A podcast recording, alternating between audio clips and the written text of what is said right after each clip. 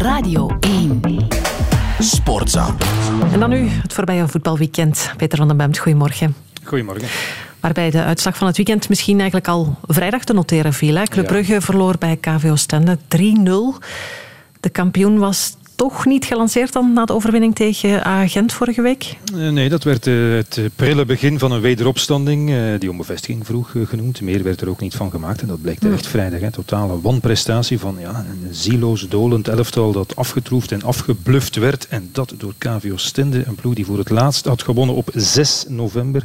Acht van zijn voorbij elf wedstrijden verloren. Eigenlijk al met anderhalf been in de tweede klasse. Ik zou zeggen een belediging eigenlijk voor het instituut Club Brugge. De manier waarop die spelers die zich toch in de achtste finales van de Champions League hebben gevoetbald een paar maanden geleden over het veld te sloften. En, en de overwinning uh, vorige week tegen Gent werd aangegrepen door sommigen om ja, aan iedereen duidelijk te maken dat wij dat dan misschien nog niet eerder gezien hadden, maar dat er onder Scott Parker wel degelijk goed en efficiënt gewerkt was. Mhm. Dat daarvan al wel eerder dingen mogelijk uh, gezien waren in de wedstrijden. Maar goed, in Oostende hebben de spelers er alvast niets aan gedaan om hun trainer en zijn ideeën uh, te steunen. Dat is geen fijne gedachte aan de vooravond van het afscheid van de, de Champions League in Lissabon, waar het overigens eh, waar zij regen voorspellen. Ah.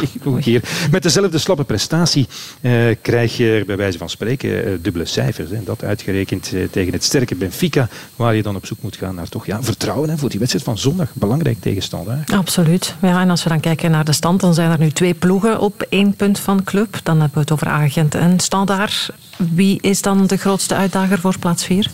Maar op basis van dit weekend, uh, de huidige prestaties, de vorm zou ik zeggen standaard. Hè. En, en Agent was, eh, vond ik, beter en heeft verdiend gewonnen gisteren van een teleurstellend zwak Anderlecht. Hè, waar overigens over een goede week het seizoen al voorbij kan zijn. Hè. Je speelt nu tegen Villarreal, dat is in principe toch een beetje buiten bereik Europees. En dan tegen Cercle Brugge, als je daar verliest, dan kan je wel een streep onder trekken. En wie durft zeggen dat dat niet gaat, gaat gebeuren. Maar Gent dus, goed voetbal vond ik, was daar ook maar zelden bij.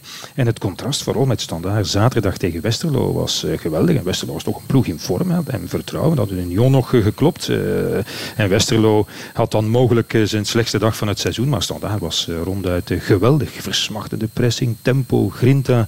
Uitstekende combinaties. Een formidabele goal ook gemaakt. Ja, dit was toch het soort voetbal en het niveau waarmee je kandidaat bent voor een plek in de top 4. En zelfverzekerd. Ook achterin met Bocadi en, en Ducen.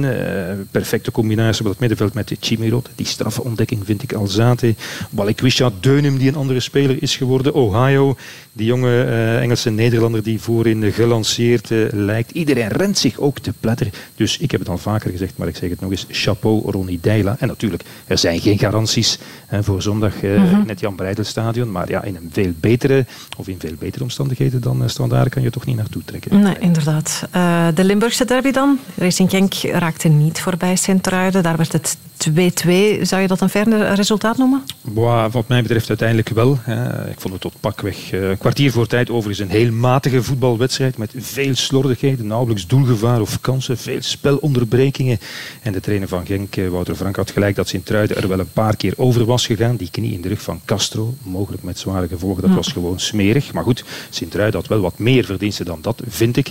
En de goals ook maar leiden tot Genkse fouten, zoals trainers dat vaak doen, dat vind ik ook te simpel. En ik heb ook eigenlijk maar één echt goede save van een doelman gezien. En dat was dan toch die van uh, Racing Genk, van de Voort namelijk. Dus nee, uh, de leider heeft al veel beter gedaan dan gisteren op uh, Staaien.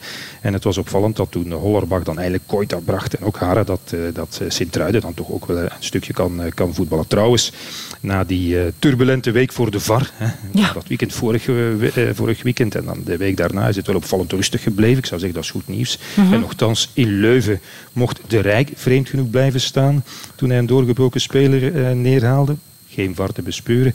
En de overduidelijke haakfout van Samatta in de derby gisteren, net voor hij zelf die tweede goal maakte, ja, die bleef ook onbestraft. Ja. En de VAR gaf daar ook weer niet thuis. Maar goed, uh, anders dan agent dat zich, vind ik, flink vergalopeerd heeft in zijn terechte uh, protesten. Voorbije week hebben ze dat uh, op staaien dan maar zo gelaten.